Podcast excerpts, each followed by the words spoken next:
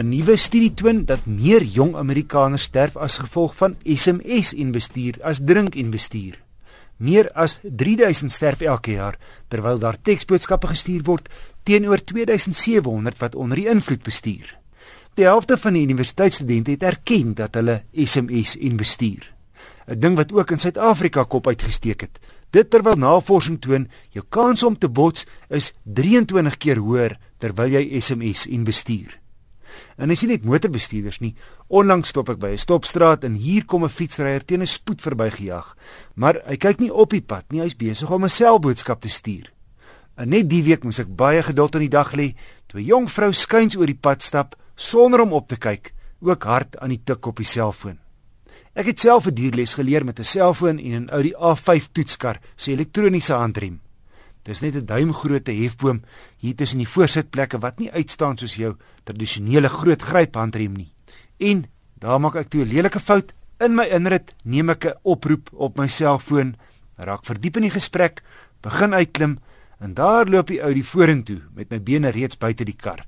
Ek soek instinktief 'n handrem om te gryp, maar kry niks. Gooi toe die radhefboom in parkering, maar die kar stop nie onmiddellik nie en loop teen die huis vas. Gelukkig breek die hooflig nie, maar wel skade in die bakwerk. Al het die kar teen seker net 3 km/h beweeg.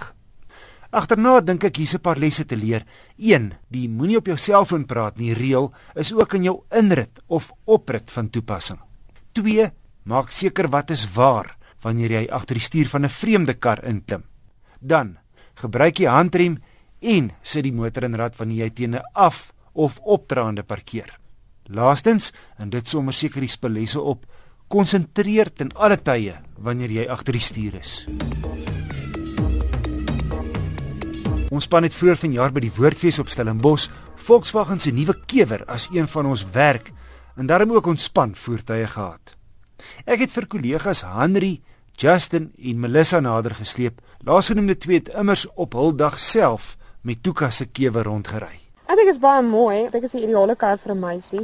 En hy het nog nie daai gevoel van die ou kewer verloor nie. Hmm, want die vorige geslag kewer was nie so gewild soos 'n ander retro kar, die Mini nie.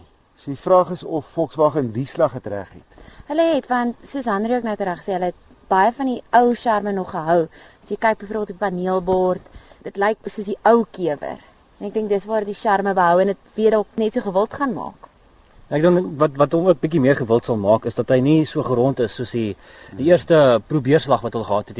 Hy het bietjie meer na weet 'n Porsche tipe stilering in hom, bietjie ja. platter, bietjie meer vaartbelyn.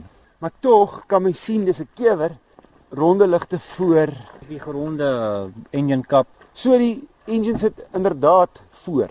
1.2 turbo aangejaag wat min of meer die krag gee van die 1.6 liter, maar met die voordeel jy gebruik minder brandstof want dit is 'n klein CC engine Hoe vergelyk hierdie engine met die die van die ou kewers, die 1960s kewer? Aansienlik meer krag. Ja, ons beter verrigtinge, beter brandstofverbruik. Dis 'n dis 'n hele nuwe engine basies. En hy brul nie. Nee, daai tipiese kewer klank nie. Ai, maar ek gaan daai brul mis. Met hierdie kewer smelt hy nie maar net in tussen al die ander karre op die pad nie. Het jy nog steeds daai uniekheid dat jy 'n kewer ry of hoe?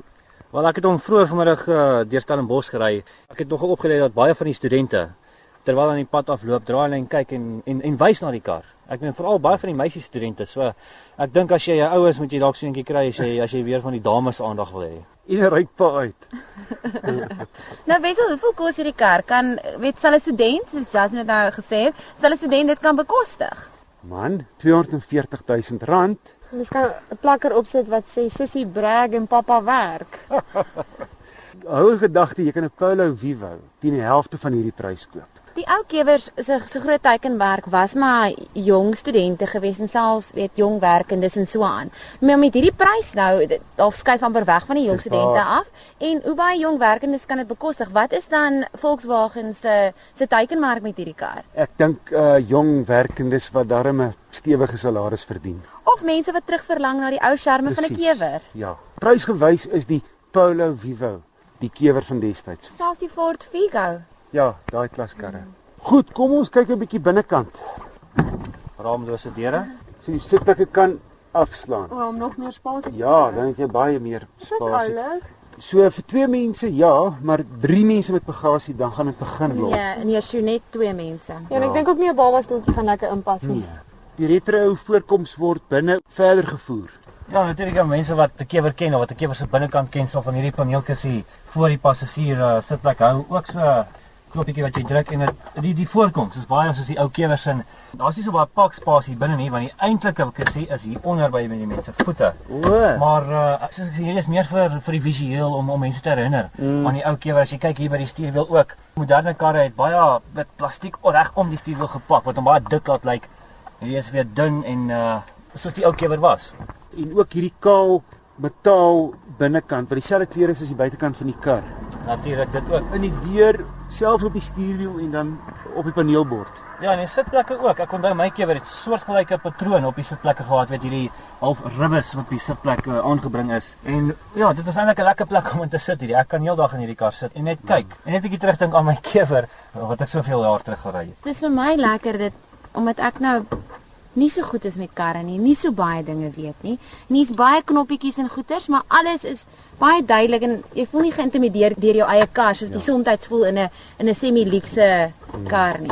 Voel jy beknop ja. binne met al die knoppies en al die dinge. Alles is aangedui wat dit is, wat dit doen. Vraggies waar terwyl ons nog so staan en praat op 'n plaaspad in die Haashoogtepas kom een van daai einste ou tradisionele kewers aangekry.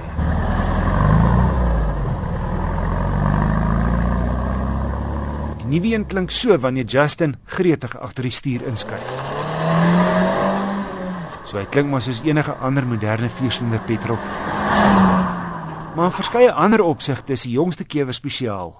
Dit egter daarop dat die prys sedert die woordfees gestyg het tot R244300 wat die volle duur maak in ag geneem dat 'n oulike Mini of die stylvolle Citroen DS3 joune is vir onder R200 000.